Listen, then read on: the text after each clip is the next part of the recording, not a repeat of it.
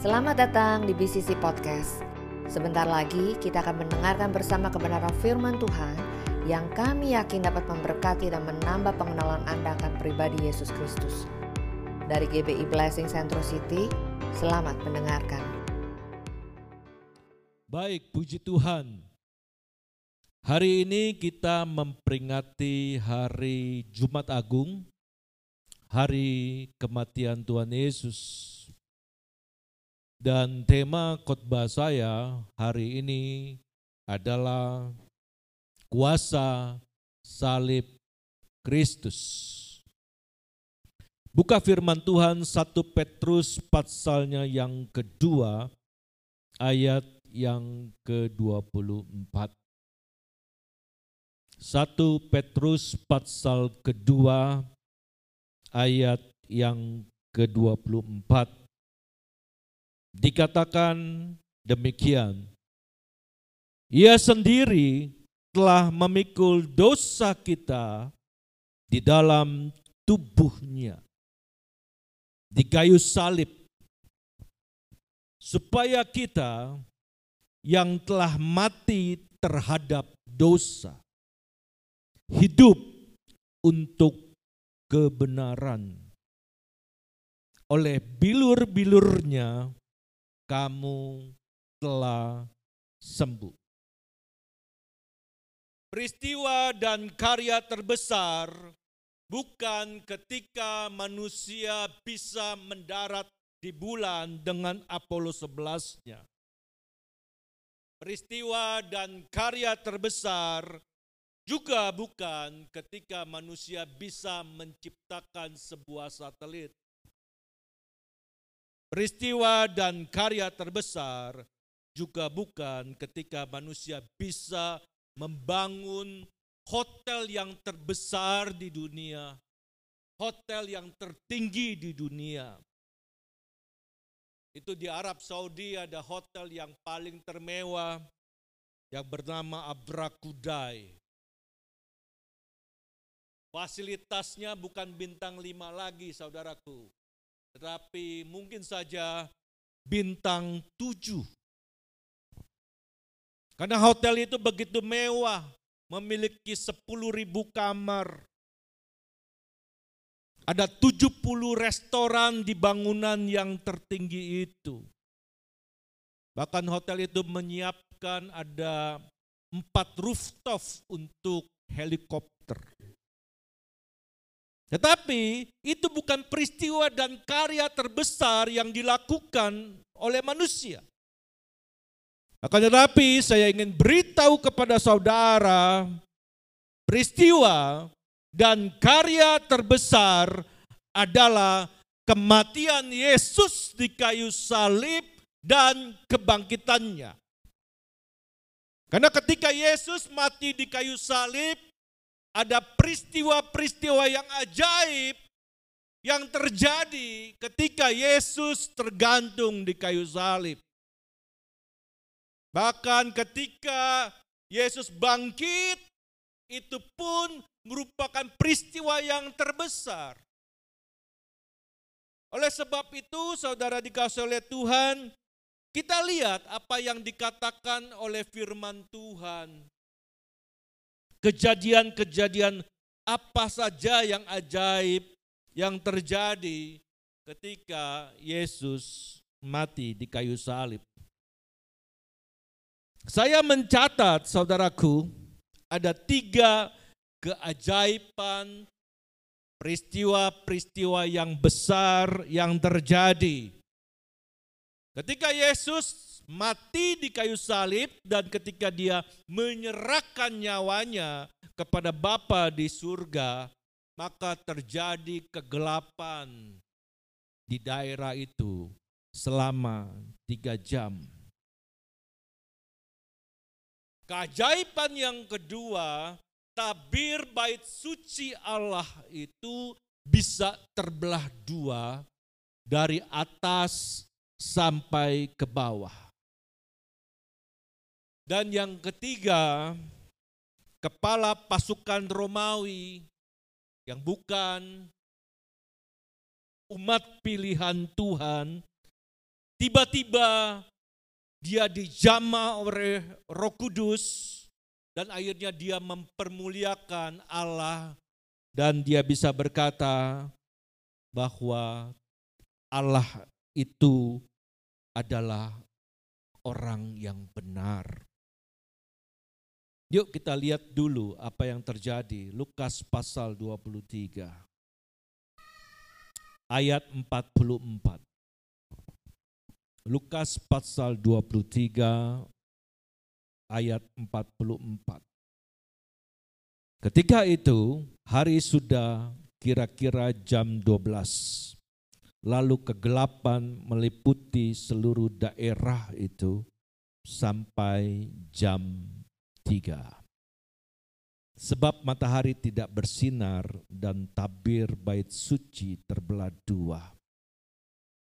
Lalu Yesus berseru dengan suara nyaring, Ya Bapa, ke dalam tanganmu kuserahkan nyawaku dan sesudah berkata demikian ia menyerahkan nyawanya. Ketika kepala pasukan melihat apa yang terjadi, ia memuliakan Allah katanya, sungguh orang ini adalah orang benar.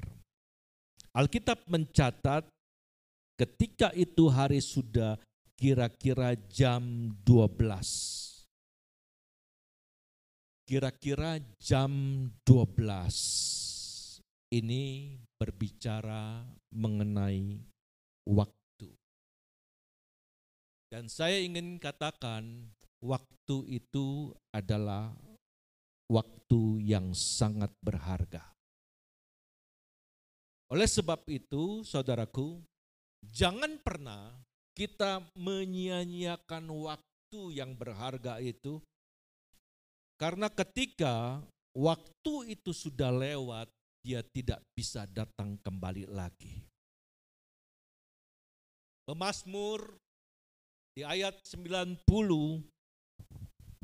pasal 90 ayat 10, 10 mengatakan bahwa umur manusia itu hanya 70 sampai 80 tahun saja.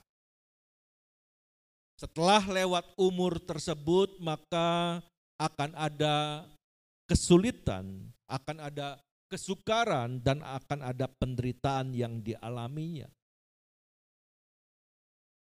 Oleh sebab itu, kita sebagai anak-anak Tuhan, waktu yang Tuhan berikan di dalam kehidupan kita, kita tidak boleh menyia-nyiakannya. Setiap menit, setiap jam, setiap hari, setiap minggu, setiap bulan, setiap tahun, kita harus menjadi anak-anak Tuhan yang berdampak. Karena kenapa? Karena apa yang kita kerjakan sekarang akan menentukan hari esok kita. Kalau waktu yang Tuhan berikan kepada kita, kita tidak melakukan apa-apa, dan kita hanya santai-santai saja, maka kita akan mengalami masa depan yang suram. Akan tetapi, waktu yang Tuhan berikan kepada kita menjadi waktu yang berharga. Kita harus melakukan kegiatan-kegiatan yang aktif, maka saya percaya, saudaraku, masa depan kita tidak suram, tapi masa depan kita akan cemerlang, akan cerah. Oleh sebab itu, saudara dikasih oleh Tuhan, Anak-anak Tuhan itu harus bergerak aktif, katakan amin. Kita harus berdampak untuk mempengaruhi dunia ini. Karena begitu banyak sekarang saudara dikasih oleh Tuhan, fasilitas dunia itu mencoba memikat kita untuk kita jauh daripada Tuhan. Oleh sebab itu, waktu yang Tuhan berikan kepada kita yang tidak seberapa itu, yang seperti yang dikatakan pemazmur, umur manusia hanya 70 sampai 80 tahun saja, kita harus mempergunakan waktu ini semaksimal mungkin. Dan kita jangan sampai terseret, terpikat oleh fasilitas dunia. Karena fasilitas dunia ini memang mencoba untuk kita supaya kita agar jauh daripada Tuhan.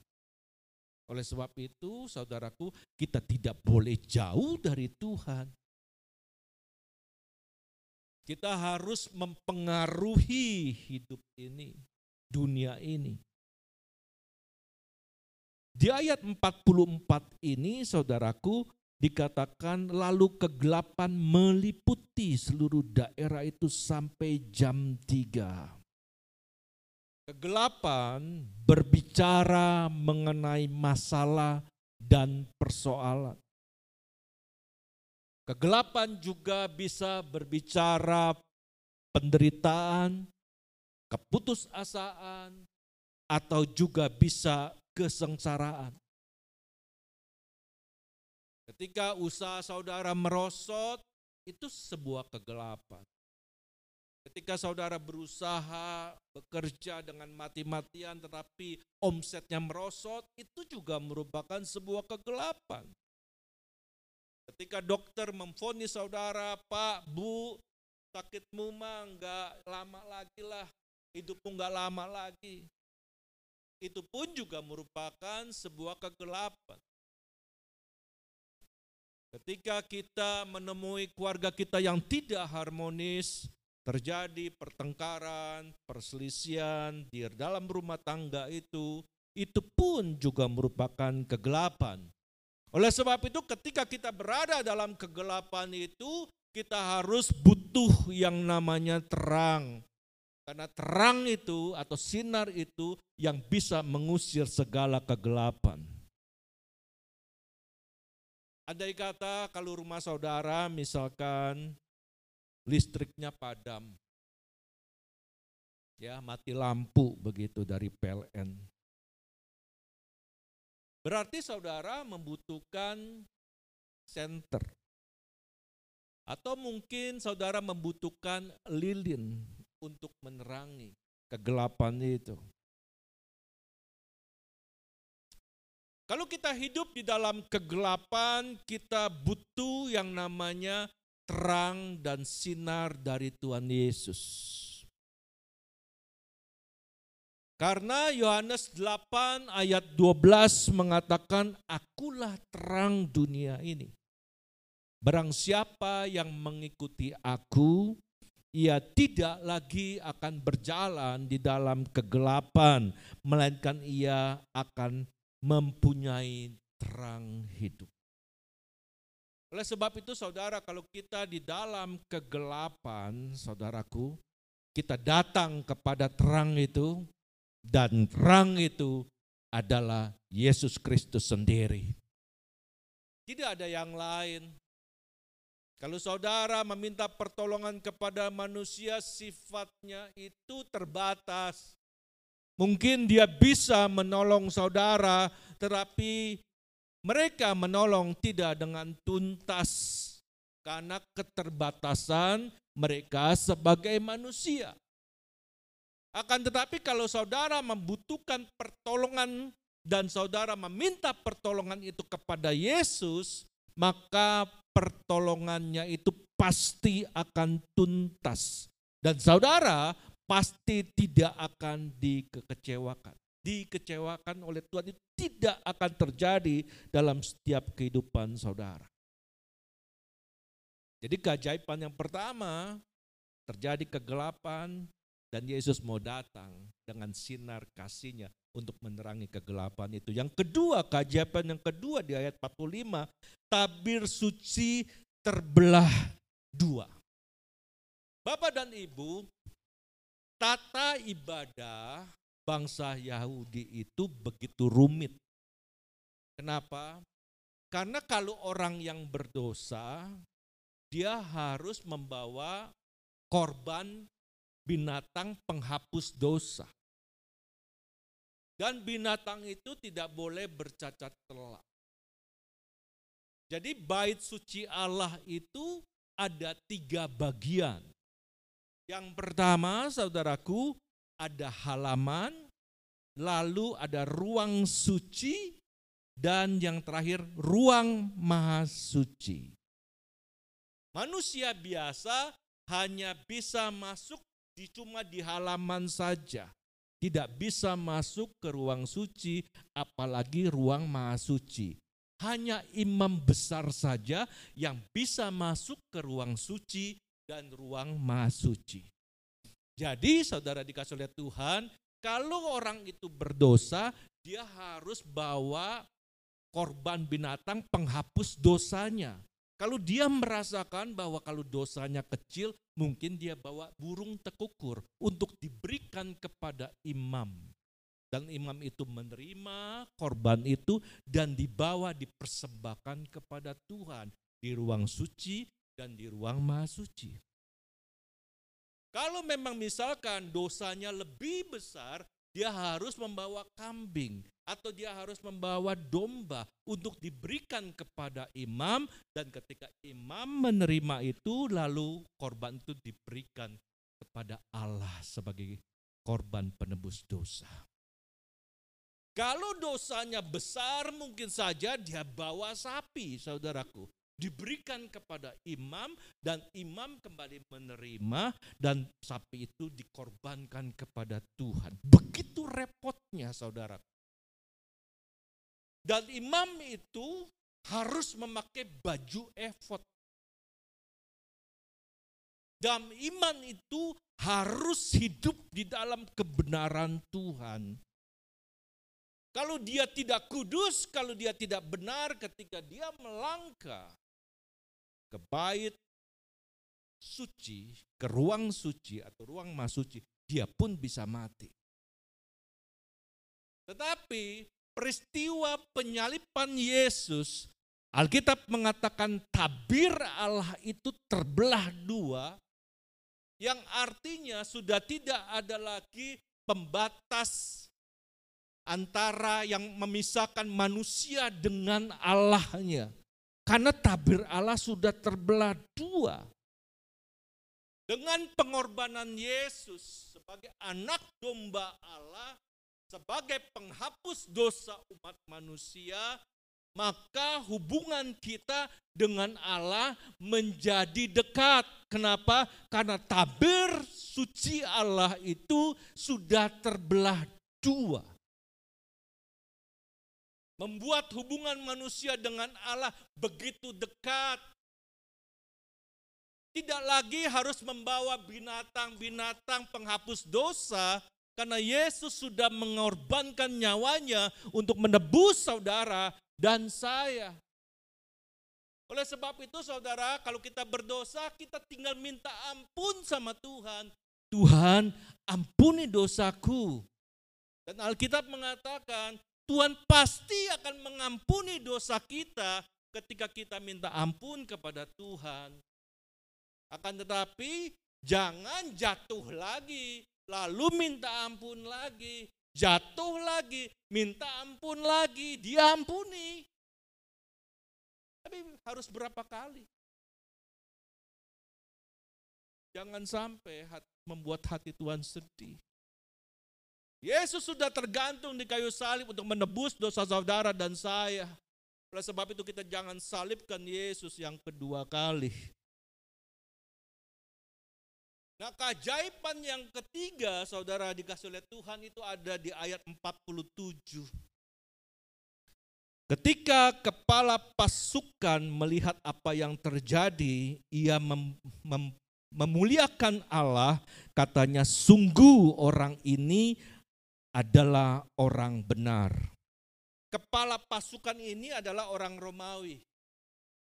Dia bukan bangsa Yahudi, dia bangsa kafir, dan dia tidak mengenal Tuhan. Kepala pasukan ini yang mengawal proses penyalipan Yesus dari Via Dolorosa, dari jalan penderitaan dari jalan kesengsaraan menuju ke Bukit Golgota. Dia melihat prosesnya itu. Jalan via Dolorosa sampai ke Bukit Golgota itu hampir 600 meter saudaraku. Dan jalannya berbelok-belok berliku-liku. Dia melihat Ketika Yesus itu diludahi, dia melihat. Ketika Yesus dicaci maki, dia melihat itu semua. Bahkan ketika Yesus ditampar, dipukul, bahkan Alkitab mengatakan bahwa dia dilecuti, saudara dipecut dengan mata kail yang ada lima mata kail yang tajam yang menancap tubuhnya. Itu penderitaan yang sangat luar biasa. Jangankan mata kail satu, saudaraku. Ya, satu saja, saudara. Jangan lima, satu saja. Ketika mata kail itu masuk ke daging kita, lalu ditarik itu sakitnya minta ampun. Tapi Alkitab mencatat bahwa Yesus dipecut oleh prajurit Romawi sebanyak 39 kali pukulan. Dan darah mulai mengucur saudaraku. Jadi kepala pasukan itu melihat semua prosesnya. Tetapi yang hebatnya apa yang dilakukan Yesus. Yesus tidak tetap tidak membalas apa yang terjadi. Yesus tidak pernah membalasnya, bahkan dia mengalah. Ketika Yesus mengalah, ini memberikan sebuah teladan, memberikan sebuah contoh. Maka itu kepala pasukan sampai berkata, sungguh orang ini adalah orang yang benar. Dia tidak membalas kejahatan dengan kejahatan. Malah Yesus berkata di kayu salib, Bapa ampunilah mereka, sebab mereka tidak tahu apa yang mereka perbuat. Itulah kasih Yesus kepada kita semua. Bagaimana dengan kita? Ketika orang berbuat jahat kepada kita, apakah kita membalasnya juga? Kalau orang dunia mengatakan begini, kalau lu jahatin gua, hmm, gua juga akan bisa jahatin lu lebih sadis. Itu orang dunia. Terapi kalau kita anak-anak Tuhan, kita tidak boleh membalas kejahatan dengan kejahatan. Tapi balaslah kejahatan itu dengan kebaikan Tuhan. Katakan amin.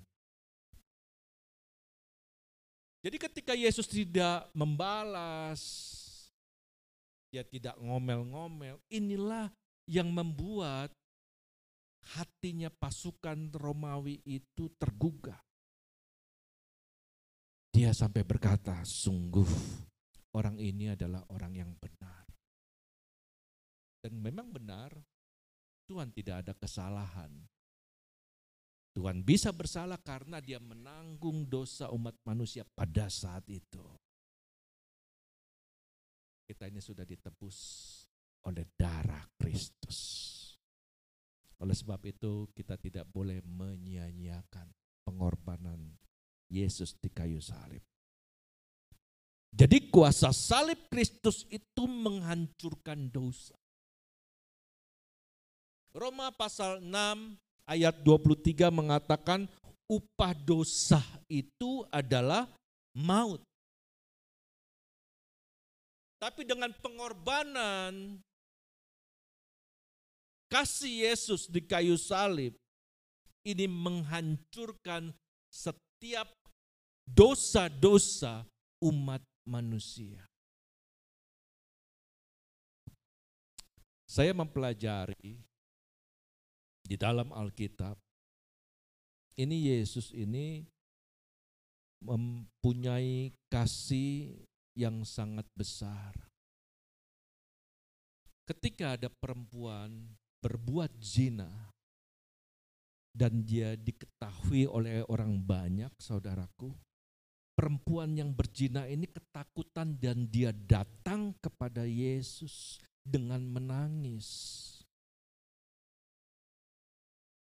Hukumnya di bangsa Israel kalau ada orang yang kedapatan berbuat salah, berbuat jina, hukumannya itu harus dirajam dengan batu. Harus dilempari dengan batu sampai orang itu mati. Itu hukumnya. Jadi perempuan ini ketakutan dan dia datang kepada Yesus dengan menangis. Tetapi apa yang dilakukan oleh Yesus? Yesus tidak berkata, Hits, aku kudus, engkau najis. Engkau tidak boleh mendekat kepada aku. Yesus tidak berkata seperti itu. Tapi Yesus berkata kepada orang-orang banyak yang ingin melempari batu, dia berkata begini. Bagi orang yang tidak berdosa, lemparkan batu itu terlebih dahulu. Ternyata saudaraku, tidak ada seorang pun yang mau melempari wanita ini dengan batu. Mungkin saja para pria-pria yang ingin melemparin batu itu langganan si wanita ini. Mungkin. Jadi dia juga orang yang berdosa. Kan banyak di sini orang-orang yang munafik. Kalau di gereja kita pasang topeng malaikat Tuhan. Tapi setelah di gereja, kadangkala perkataan binatang keluar itu semua. Penghuni regunan itu semua kadangkala disebut. Tapi bukan di sini ya. Di sana sini ya. Jadi itulah kasih Yesus. Dan Yesus tidak eksklusif pada orang berdosa, tidak berdosa sama kasih. Kasih inilah yang bisa menjadi contoh, yang bisa menjadi teladan untuk hidup kita. Yang kedua, kuasa salib Kristus itu menghancurkan kuasa setan. Yohanes pasal 10 ayat 10a mengatakan iblis itu mencuri, membunuh dan membinasakan. Pertama, dia mencuri damai sejahtera kita. Dia mencuri sukacita kita. Dia memanakan dengan panahnya itu di dalam keluarga mungkin sehingga suami istri terjadi pertengkaran, terjadi percekcokan. Dicuri damai sejahteranya, sukacitanya dicuri. Setelah itu step berikutnya dia membunuh. Membunuh apa? Membunuh kerohanian kita, membunuh iman kita, membuat iman kita tidak bisa berkembang. Membunuh kerohanian kita supaya kita tidak bisa bertumbuh. Karena kita kena panahnya itu. Kalau kita tidak dalam hadirat Tuhan, kita gampang dipanah oleh si setan. Dan akhirnya kita tidak damai sejahtera, tidak ada sukacita. Kita tidak bisa berakar, kita tidak bisa bertumbuh, kita tidak bisa berbuah, Sebenarnya itu tergantung dari kita. Saya analogikan begini ya. Ini ada sebuah sekolah. Kalau saudara mau lulus sekolah, saudara harus melalui yang namanya ujian. Nggak mungkin saudara bisa lulus sekolah kalau saudara tidak melalui yang namanya ujian. Benar gak saudara? Jadi kemauan itu harus datang dari diri saudara sendiri. Dan berkata, aku mau lulus ujian, oleh sebab itu aku harus mengerjakan apa pun yang disuruh oleh sekolah itu. Kalau ada ujian ya kita harus masuk dalam ujian itu. Gak bisa kita lulus tanpa melalui yang namanya ujian. Kalau kita mau bertumbuh di dalam Tuhan, di dalam gereja Tuhan, saudaraku, tergantung kitanya sendiri juga. Bukan berkata, oh gereja itu nggak bisa bikin aku pertumbuhan. Bukan itu. Akan tetapi dari kitanya sendiri kita mau nggak, mau maju nggak? Waktu kita dengar firman Tuhan, kita dengar sungguh-sungguh enggak?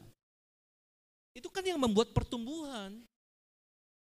Waktu kita lagi memuji dan menyembah Tuhan, kita memuji dan menyembah Tuhan dengan sungguh-sungguh enggak? Apakah kita cuma diam-diam aja ngeliatin orang, saudaraku? Gak bisa seperti itu. Kalau kita mau bertumbuh, kalau kita mau berbuah, dari kita sendiri, bukan dari gerejanya. Setiap gereja itu sama. Gereja besar, gereja kecil, gereja sedang itu semuanya sama. Tergantung dari kitanya mau maju atau tidak. Kalau iman kita mau maju, kalau kerohanian kita mau maju, ayo kita melakukan bagian kita. Kalau kita mau dekat sama Tuhan, tentu saja kita harus masuk ke dalam hadiratnya. Kita harus berdoa sama Tuhan. Kita tidak akan bisa maju kalau kita tidak dekat sama Tuhan. Karena dunia ini sedang menyeret manusia untuk terpikat, diseret. Karena fasilitas dunia ini terlalu menggiurkan kita.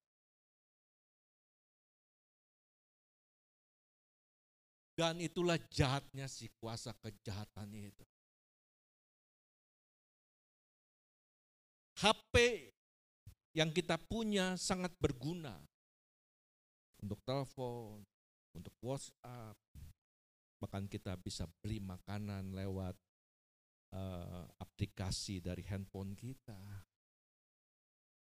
Tapi kalau kita tidak jaga hati, kadangkala handphone kita juga menjadi handphone yang tidak kudus. Kita bisa klik gampang, saudara gambar-gambar porno, film-film porno, bisa lihat juga di dalam HP kita. Tergantung dari kita. Makanya ya, kalau kita mau betul-betul sungguh-sungguh dengan Tuhan, mau hidup selalu dalam kebenaran, itu pilihan di tangan kita. Kita harus maju. Kita harus siap untuk menerima prosesnya ujian dari Tuhan. Kita harus jalani. Itu Paulus berkata, aku sedang berlari-lari ke garis akhir. Untuk apa? Untuk menerima mahkota kehidupan. Oleh sebab itu waktu kita berlari-lari, ketika kita maju, saudara kita harus berdampak untuk sekeliling kita. Ingat loh, Pemasur mengatakan umur manusia 70 sampai 80 tahun saja. Tapi banyak juga orang yang tidak sampai pada usia 80 tahun. Kalau kita tidak berdampak, apa yang terjadi? Apakah kita bisa menerima mahkota kehidupan?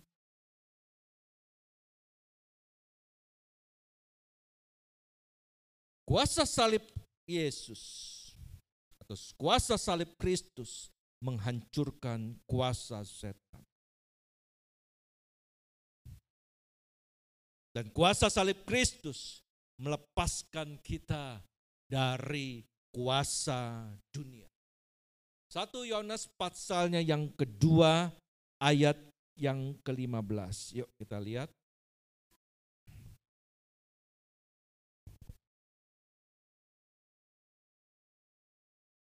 1 Yohanes pasal kedua ayat 15 sampai ke 17. Yang sudah ketemu katakan amin. Janganlah kamu mengasihi dunia dan apa yang ada di dalamnya. Jikalau orang mengasihi dunia, maka kasih akan Bapa tidak ada di dalam orang itu. Sebab semua yang ada di dalam dunia yaitu keinginan daging dan keinginan mata serta keangkuhan hidup. Bukanlah berasal dari Bapa, melainkan dari dunia. Dan dunia ini sedang lenyap dengan keinginannya. Tetapi orang yang melakukan kehendak Allah tetap apa? Tetap hidup selama-lamanya. Jadi Alkitab jelas memberikan sebuah pernyataan, jangan kamu mengasihi dunia ini. Karena apa yang di dalamnya ini saudara tidak akan ada yang namanya kasih Tuhan. Dunia ini tidak ada yang namanya kasih. Dunia ini boleh dibilang dunia yang sangat jam. Kadang saudara, kakak dan adik saja bisa berebutan harta. Dunia ini kejam. Tapi kasih Allah itu adalah kasih agape. Kasihnya itu tanpa tanpa pamrih. Kasih Tuhan itu adalah kasih yang dapat membuat kita itu menjadi orang yang lembut hatinya. Menjadi orang yang bisa menguasai diri kita. Kalau kita memiliki kasih Tuhan itu, maka Roh Kudus akan bekerja dan Dia akan menguasai hidup kita. Orang-orang yang hidup di dalam kasih Tuhan, saudara, pasti akan berbeda. Konsep cara berpikirnya, paradigmanya juga berbeda. Kalau dia berkata-kata, dia pasti mau berkata-kata yang baik, yang sehat.